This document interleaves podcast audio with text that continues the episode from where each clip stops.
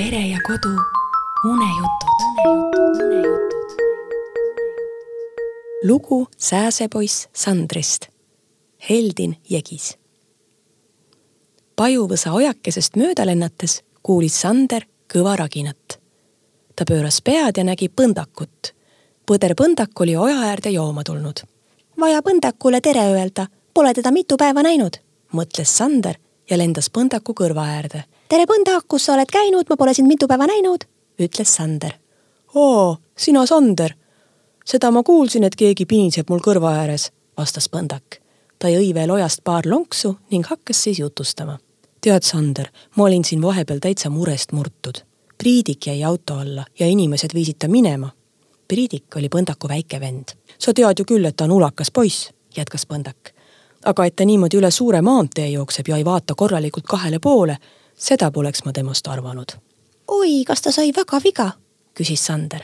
see mind muretsema panigi, rääkis Põndak edasi. aga eile õhtul nägin rebase Rauli, kes ütles, et Priidik elab nüüd suures linnas loomaaias. Raul käib ju tihti linnas, eks ta siis sattus loomaaeda ka ja nägi seal Priidikut. ütles, et Priidik on väga rahul ja et ta jääbki linna elama.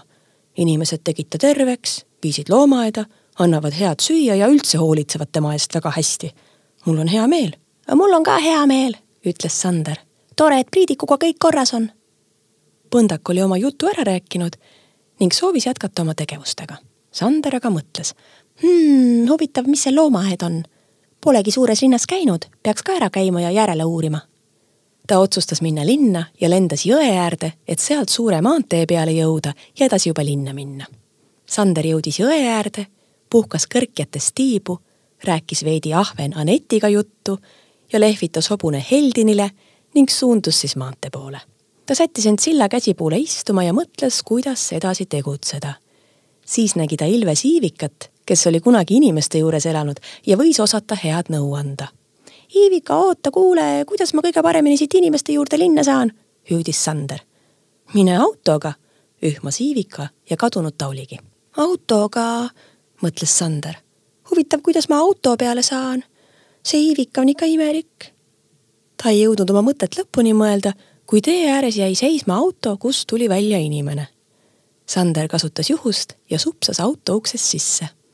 sättis ennast tagumise autoklaasi peale istuma ja rõõmustas, et saab niimoodi tiivavaeva vähendada. kui nad jõudsid linna suurte majade vahele, supsas Sander ruttu auto uksest välja.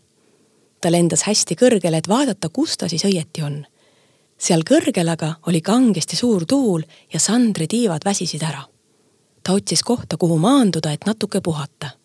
lõpuks nägi ta suure maja küljes ilusaid lilli ja otsustas sinna puhkama minna.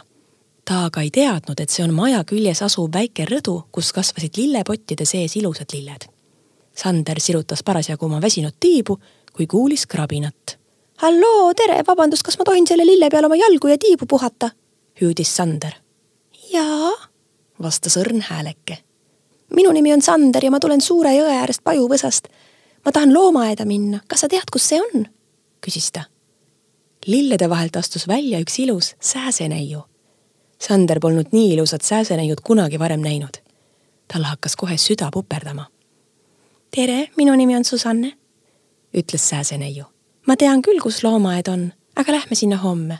päike on juba loojumas ja varsti on pime Sander ei olnud tähelegi pannud, et õues hakkas juba pimedaks minema.